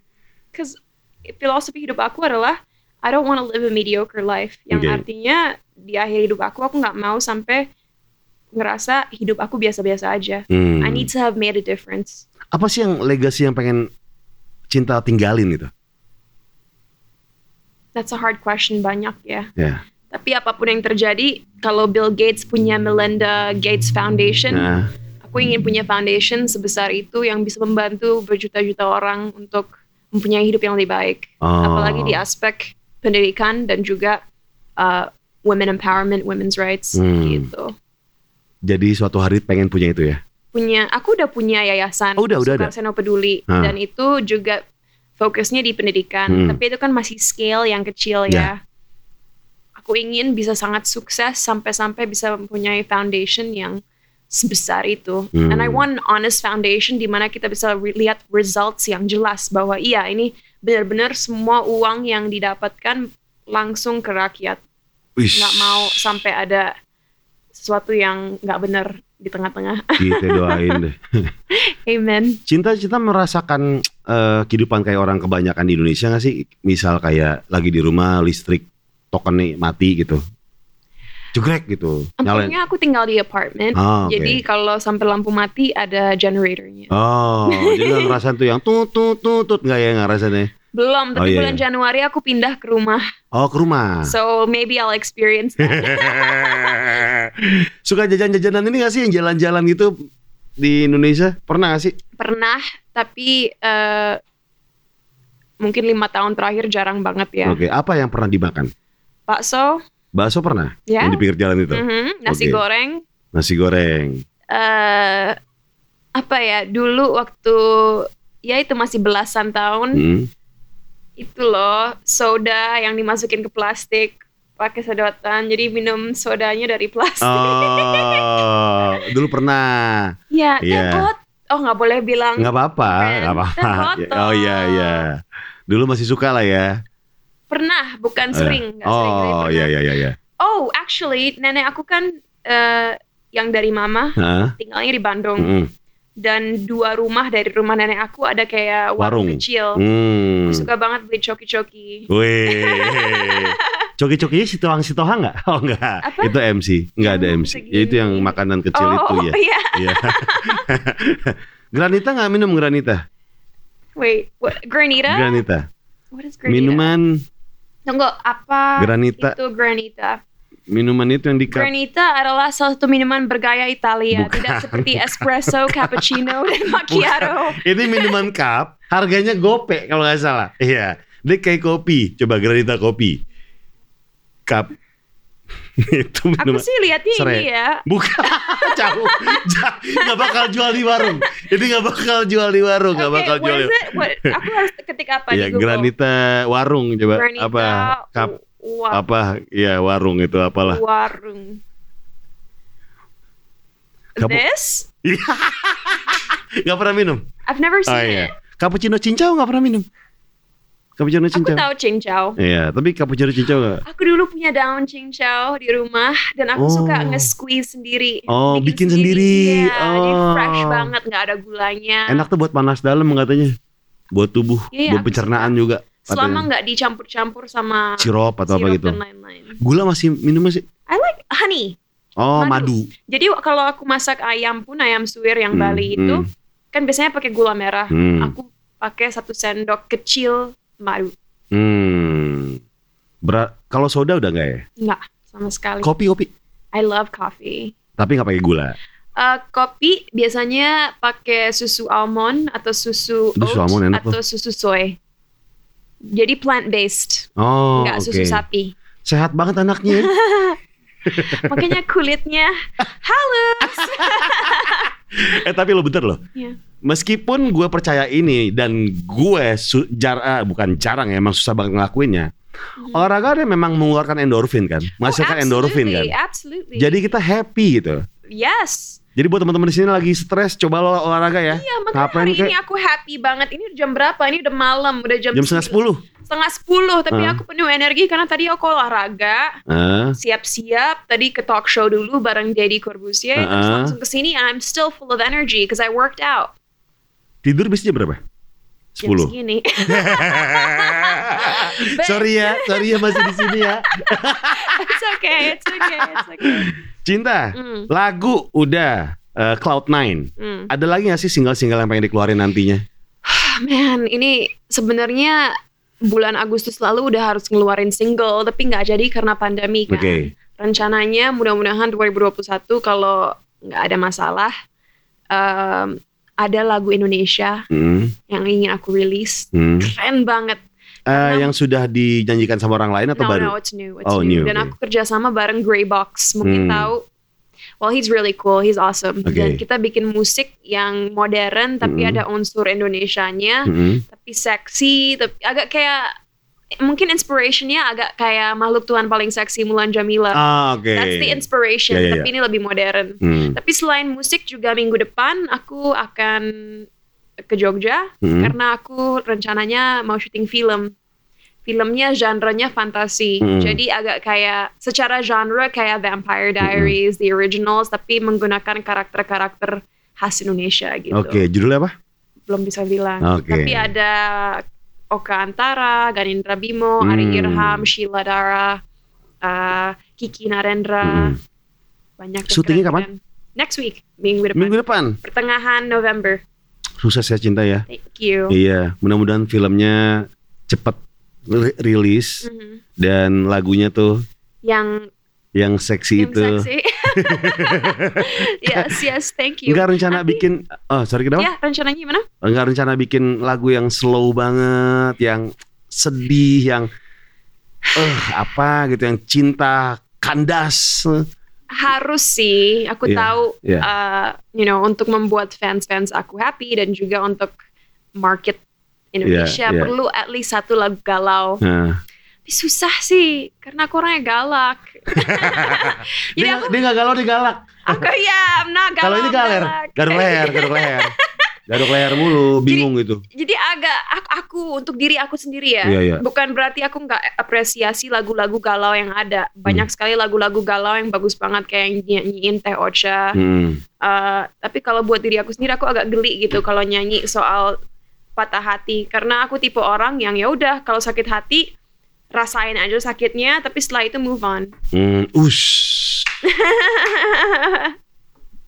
Paling cepat move on berapa lama? Paling cepat sepanjang sejarah.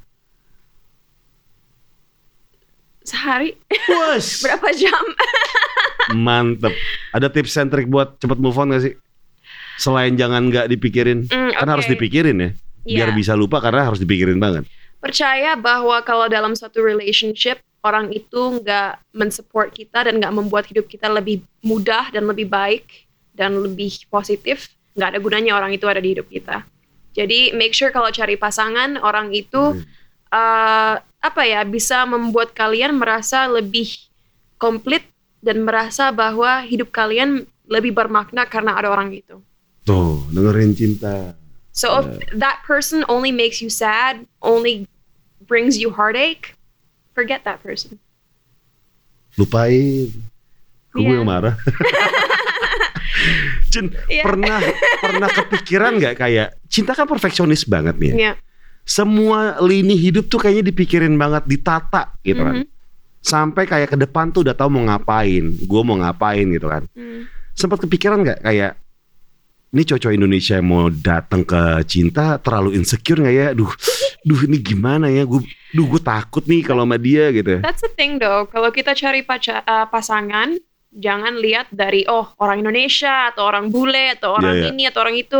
That's already salah. Hmm, You know kalau dari awal kita udah mikirin itu udah forget it. udah salah ya? Iya. Oke. Aku aku percaya bahwa semua hal harus terjadi secara organik. Hmm, Jadi kalau suatu hari mau itu di tempat hangout, di event apa pun itu kita ketemu orang dan cocok, Ya udah.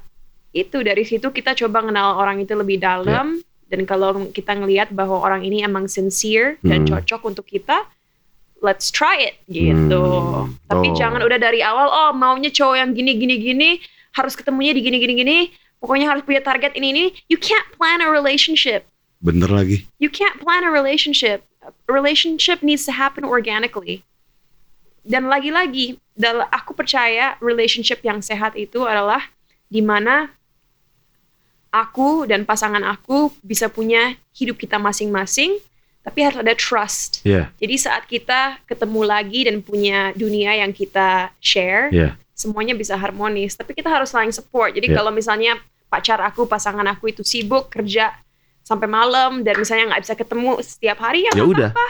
Let him do his thing. Karena kalau ada trust, kalau kalau ada kepercayaan, everything's gonna be okay. Dan mungkin banyak teman-teman yang sekarang lagi nonton bilang, but how do you trust? Gimana Harus caranya gitu? dong.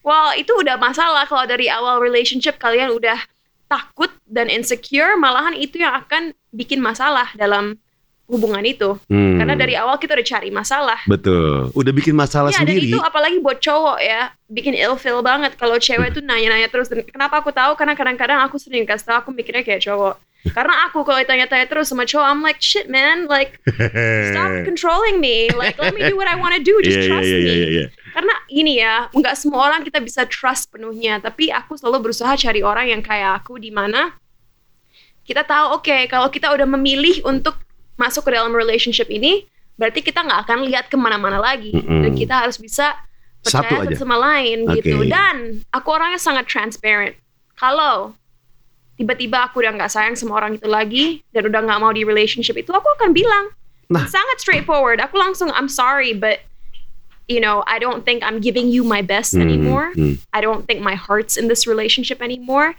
I think it's better that we part ways honest at the end of the day kalau kita jujur kita transparent nggak ada masalah. Nggak ada perlu pusing-pusing drama. Iya. udah di mana? Udah pulang belum? Please I'm not a baby. Nah ini kasih mungkin kasih saran sama teman-teman di sini ya, yang lagi berada di toxic relationship, yang dia tuh merasa gue nggak bisa ninggalin cowok gue, tapi dia membuat gue tuh menderita banget gitu kan. Apa yang harus dilakukan? Hmm. Sampai abusive lah, sampai main tangan lah, atau gini ya verbal.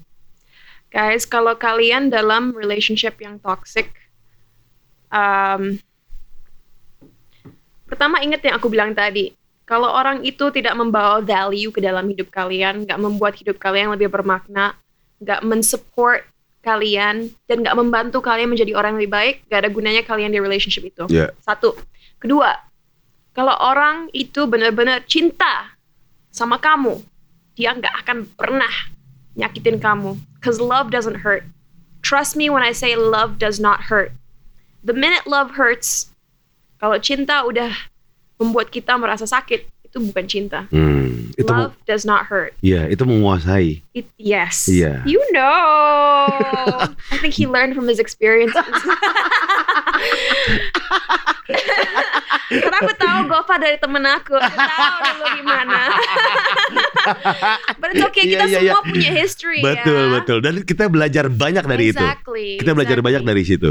kalau cinta itu menyakiti itu berarti memiliki bukan Iya, iya. mencintai Iya. that second of all ketiga karena aku pernah ada dalam sebuah toxic relationship dan kadang-kadang kenapa kita tetap di relationship itu karena kita selalu dalam hati berharap suatu hari bisa kembali ke awal bisa Hmm. kembali ke masa masa di mana masih romantis sekali Iya, iya, iya. masih wah enak sekali eh, perasaan yang kita punya but trust me kalau relationship udah toxic orang itu nggak akan bisa berubah dan kembali ke masa dulu karena yang kamu lihat sekarang adalah siapa dia sebenarnya. Iya. Apa gue sampai main tangan ya? Oh my god, kalau itu harus langsung laporin polisi. Betul. Dan banyak orang nggak berani speak up karena takut, takut kehilangan lah. Orang seperti itu lebih bagus bagus hilang dari dunia ini. Oke, here's what I'm gonna say ya. Di Indonesia kita masih mempunyai yang namanya rape culture. Iya. Di mana em, perempuan, apalagi laki-laki juga bisa mengalami abuse ya, nggak Hmm. hanya perempuan, Hmm. tapi kebanyakan perempuan kan Hmm. yang mengalami eh, apa ya pemukulan dan Iya, iya. lain-lain. Kenapa mereka nggak berani speak up? Karena di negara kita sedihnya masih ada yang namanya victim blaming, Hmm. di mana yang disalahkan malahan perempuan atau korban Hmm. gitu. Yang disalahkan, oh mereka kamu pakai baju kayak gitu sih, kamu ngelawan sih, kamu harusnya dengerin dong pasangan kamu. No, Hmm. I'm sorry, tapi sebagai perempuan kita punya hak untuk speak up, kita punya hak untuk keluar dari relationship itu dan kita punya hak untuk say no. Hmm. Kalau kita tidak ingin melakukan sesuatu sama pasangan kita, kita punya hak untuk bilang enggak. Betul. At the end of the day, there's something called consent. Yes, consensual. Consent is so important. Yeah. Yes means yes, no means no, maybe means no. Hmm. Anything kalau kata yes belum dikatakan Iya. Jangan. dan yes dengan sadar ya. Iya, iya, iya betul. Jangan sampai the person's under Iya, drugs or iya, iya, alcohol iya, itu iya, juga iya. nggak bener. Iya, iya. Dan udah dibicarain dan udah yakin itu berarti artinya no Hmm. gitu. Iya. Uh, we need to learn about consent Hmm. gitu. Dan balik lagi ke victim blaming itu suatu yang harus kita rubah karena di media pun kalau kita nonton berita kadang-kadang reporternya bilang, oh orang ini telah, you know, telah mengalami kekerasan, Hmm, dia berpakaian seperti ini. Iya iya. Di media pun kita udah ngajarin orang-orang, apalagi anak-anak, bahwa yang disalahkan itu harusnya korban yang itu salah. What we should be teaching in in the media dan juga di sekolah Hmm. adalah tentang values-values kesetaraan gender, saling menghargai satu sama lain apa pun gender kita, Ya. dan juga mengajarkan bahwa kekerasan nggak ada alasan, nggak ada yang bisa menjustify kekerasan, dan yang salah itu selalu pelakunya. Karena pelaku itu punya sebenarnya pilihan dalam otak dia Untuk tidak tidak melakukan. melakukan itu. Iya. Jadi jangan pernah nyalain perempuan, jangan pernah uh, nyalain korban, karena korban itu nggak pernah salah dan udah waktunya di Indonesia kita punya apa ya undang-undang yang bisa menjaga korban Iya. yaitu RUU PKS Yang belum sekarang disahkan. masih belum disahkan Iya. dan dikeluarkan dari list prioritas itu bikin hati aku bener-bener ripped into pieces. Karena lagi-lagi ya, jangan salah, please untuk yang nonton ini jangan pikir aku lagi ngejelek-jelekin Indonesia, bukan. Di Indonesia ada fasilitas yang membantu korban, Iya. fasilitas psikologis, fasilitas um, apa ya hukum ada, tapi masih kurang dan sangat tidak ke-expose sampai-sampai banyak orang yang ngelami, mengalami kekerasan nggak tahu harus ke mana. Dia cenderung diam aja dan menyalahkan dirinya sendiri akhirnya. Ya, dan lagi-lagi kembali ke rape culture Hmm. karena eh, you know banyak orang-orang dari masyarakat Indonesia masih kurang aware bagaimana mengatasi masalah seperti itu Ya. dan eh, masih dibilang masih apa ya value patriarki di negara ini masih kuat sekali Hmm. sampai-sampai keluarga pun kadang-kadang menyalahkan anak mereka sendiri kalau ada kekerasan yang terjadi terhadap mereka karena mereka pikir oh you've shamed the family sekarang kamu udah nggak pure lagi padahal lagi-lagi aduh as you, as parents as family members you're supposed to support your child Hmm. and help your child attain justice Hmm. gitu Tuh. Semoga ya, semoga ini semuanya ya itu Eh. itu sebenarnya sebagai you know sebagai entertainer sebagai Yeah. public figure itu adalah obligasi kita untuk terus menyebarkan awareness soal isu ini hmm, karena kalau kebanyakan orang nggak nggak tahu kekerasan itu apa bentuk kekerasan seperti apa harus gimana kalau mengalaminya gimana mau berubah situasinya kalau nggak ada kepedulian dari dalam hati orang-orang hmm. you know Uh, not only that aku selalu bilang nggak harus kita deh orang-orang biasa. Kalian pun yang mungkin followersnya hanya satu dua lima sepuluh seratus orang. You guys can make a difference. Karena kalau kita apa ya meng- mengatakan sebuah pesan secara konsisten lama-lama pasti akan didengar kok. Hmm. berapapun followers kalian. So be consistent. Fight for this cause because you can make a difference. Wis, mantep. Cinta Laura tuh. Dan tadi kita udah foto tadi ya di sini ya. udah Dan kita udah post di Instagram ada beberapa pertanyaan. Coba kita lihat dulu ya Cinta ya. oke Satu setengah jam yang lalu di post Uh-huh. ada sebentar 406 pertanyaan. is that good bagus, bagus. Itu bagus. Di Instagram ya. Iya. Kalau di Twitter ada sebentar. Ada 129 pertanyaan. oke not Oke. bad apalagi ini udah malam Oke, dari Instagram dulu ya. Rido Ilhami tanyain Bang Cinta. Eh, tanyain tanyain Bang Cinta. Tanyain Bang, koma maksudnya tanyain Bang. Masa Bang okay. Cinta? makanya banyak teman-teman aku cowok kan karena aku Iya. agak broy aku agak kalau nggak pakai dress aku tuh sangat bro Oh, maka dipanggil Bang Cinta. Tanyain Bang, Cinta Laura pernah minum susu nasional yang digerobak-gerobak di jalan gitu. Tenonot tot tot tenonenonet tenet tahu. Aku tahu musiknya, Eh, tapi belum belum coba Oke. karena lagi-lagi kalau aku main ke rumah nenek aku yang di Bandung dulu sering banget itu Iya. ada ada bunyi itu Nenek bahasa Sunda? She can, ya bisa. Ke- Bukan ke aku, no. Oh, enggak, no, enggak. No, no, no. Alah, alah, neng cinta marah ke mana wae? Nggak gitu? Oh, nggak Nggak gitu ya? Bahasa Indonesia. Oh, oke. bahasa Indonesia biasa aja. Iya. Gue kira bahasa Sunda. Eh, JSP Tairas, tanyain dong apa bedanya main film di Amerika dan Indonesia?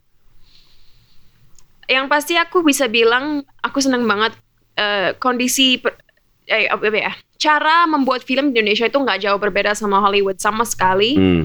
Eh, dan semakin lama semakin membaik kualitasnya dan semakin apa ya memenuhi syarat jam kerjanya Ya. kebersihannya tapi mungkin perbedaan yang terbesar ya itu kalau di Amerika tuh udah ada undang-undang yang benar-benar menjaga kru-kru film dan Hmm. aktris dan aktor jadi benar-benar kerja tuh nggak boleh lebih dari 12 jam kalau sampai lebih harus bayar overtime Oke. dan ada juga yang namanya 12 hour turnaround period jadi misalnya kita sekarang break jam 10 malam Ah, berarti aku nggak boleh di calling sampai jam 10 pagi karena aku harus 12 jam oh istirahat. tidur. Iya. Oh. bukan hanya tidur istirahat Iya, iya, iya, iya, iya. kita mau ngapain terserah Oh itu keren banget. yeah it's great Iya iya iya. Itu sistem produksinya tuh berarti ya di sana bedanya. produksi sangat sangat teratur Iya iya Udah. jam kerja udah Hmm. jelas gitu ya. dan biasanya semua pemain tuh dapat ruang istirahat sendiri Hmm. ya Oke, berikutnya nih. Dian Septi, cinta, what's your preference? Good boy or bad boy? Oh, good boy for sure good boy tuh. I appreciate good men Oke, bukan Gitu. good boy ya. aku nggak punya waktu buat bad boy yang hanya buang-buang waktu aku Tuh, bad boy. No don't waste my time Tuh, nggak boleh. I'd rather work and focus on myself Berikutnya, Bang, eh dari Maulana Malik, Bang. Kak Cinta pernah makan nasi bungkus gak? pernah Makan nasi apa? Nasi Padang. Eh, nasi, so nasi Padang. Kayaknya waktu masih kecil terakhir aku makan nasi padang kayaknya umur 12 tahun Gue baru tadi siang. Iya pernah oh gitu. ya Oh, Blows Blows. Cinta udah pernah naik motor boncengan bertiga belum sih? Kau pernah naik naik motor gak sih naik diboncengin? motor pernah bonceng bertiga Iya. actually pernah karena dulu waktu masih kecil aku punya neighbor Hmm, eh, orang Jepang hmm. dan dia kerja di salah satu eh, brand motor dan dia tuh Hmm. motornya ada macam-macam ada Harley ada yang Hmm. buat balapan hmm. Dan aku punya tetangga satu lagi orang Australia, jadi Hmm. aku sama dia umurnya lumayan sama. Kita Hmm. biasanya ke rumah orang itu dan suka diboncengin naik motor-motornya. Tapi kita semua masih tingginya tuh masih semeter semeter. Oh masih kecil, masih kecil. banget. Oh, Masih oke. kecil. Virgiana Siva, apa yang harus dipelajari sama netizen Indo yang so toxic? Buat jadi netizen yang bijak menurut kakak. Tadi kita udah sempat singgung ya. Udah, udah. Ya. Yang pasti jangan gampang percaya dengan apa yang kalian baca. Verifikasi semuanya. Dunia digital tuh sekarang kita beruntung dan tidak beruntung. Tidak beruntungnya banyak hoax, tapi Hmm. Beruntungnya kita selalu bisa memverify informasi yang kita baca, searching, lihat source-source lain, apakah yang di dokumentasi itu benar atau enggak. Oh, tuh. Jadi nggak cuma dari satu pihak doang ya. Ya, Langsung dicari lagi nih. Dari kuning ke Mambang. Tanyain bang, kenapa wajahnya nggak berubah-ubah dari aku SMP sampai udah lulus kuliah wajahnya nggak berubah-ubah. iya. Kenapa bisa kayak gitu? I mean, apalagi kalau aku nggak pakai baju formal ya, Iya. like banyak orang yang misalnya aku lagi di luar negeri nggak kenal aku, mereka selalu nanya like what grade are you in? Kayak dikira aku masih high school atau at least baru mulai kuliah. And ya kembali lagi lifestyle yang sehat itu Olahraga ya? benar. Olahraga. hanya ya? olahraga, makan yang benar, tidur yang cukup. Ya. Karena kulit aku sekarang lebih bagus di umur aku yang 20-an dibanding waktu masih 15 16. Like my skin's better now. Hmm. Terus um, apa ya? Karena selain itu aku punya misi. Misinya apa? Kan banyak orang bilang, aduh Jennifer Lopez umur 50 masih kayak gitu. Oh iya iya, badannya masih begitu itu. Gak hanya badan tapi secara muka, Iya, secara energi, Eh. vibe. Iya. Dia kan masih youthful banget. Hmm. Nah, I mean, knock on wood ya. Hmm. Mudah-mudahan Tuhan selalu membless hidup Hmm. aku. Tapi kalau semuanya jalan lancar, aku inginnya saat umur 50 lebih kelihatan muda lagi daripada Oh. J-Lo. Which hopefully, hopefully bisa karena mama aku, Iya. mama aku umur 58 tahun. My mom's 58 years old. Tapi masih kayak umur 35. Dia olahraga juga. Enggak, Makan sehat. Not really. She's just lucky.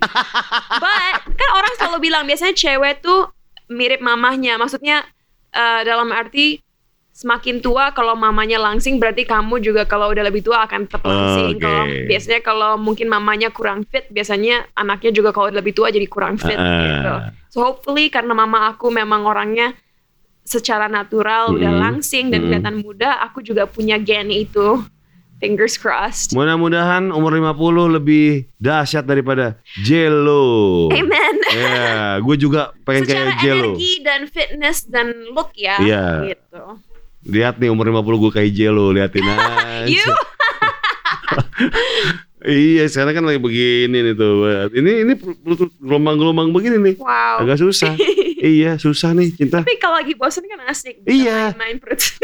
Enaknya kalau lagi nonton, taruh piring di sini. Oh my god. wow. Praktis cinta. Kayak jadi di meja. Iya, iya, iya. Cinta makasih banget ya udah main-main di YouTube aku ya. Oh, thank you. Sukses terus buat Akhirnya. buat eh, apa namanya karya-karya cinta, Amen. Buat film yang akan syuting minggu depan. Hmm, Ditunggu banget. Thank you. Terus yang apa namanya? misi aku untuk misi membantu orang. Iya. membantu orang. Yayasannya semakin membesar gitu kan. Dan selalu glowing, selalu sehat. Dan selalu kelihatan seperti umur 18 apa pun umurku. Yes. Sama seperti saya. Umur 18.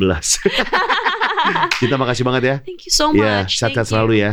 Oke. you, Amin. Dan terima Gopal kasih juga. sekali lagi buat teman-teman di sini yang udah ikutan nanya, yang udah ikutan nonton nih.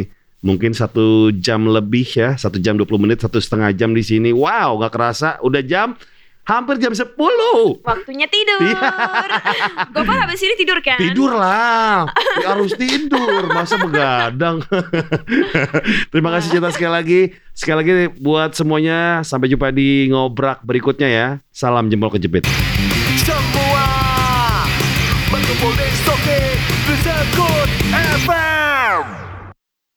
Ini arti keberuntungan.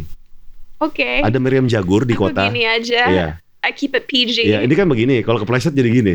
Oke. Ini, ini Miriam Jagur. Oke. Artinya keberuntungan. Ada di monumen kota tua. Oke. Iya, Miriam Jagur. Yes.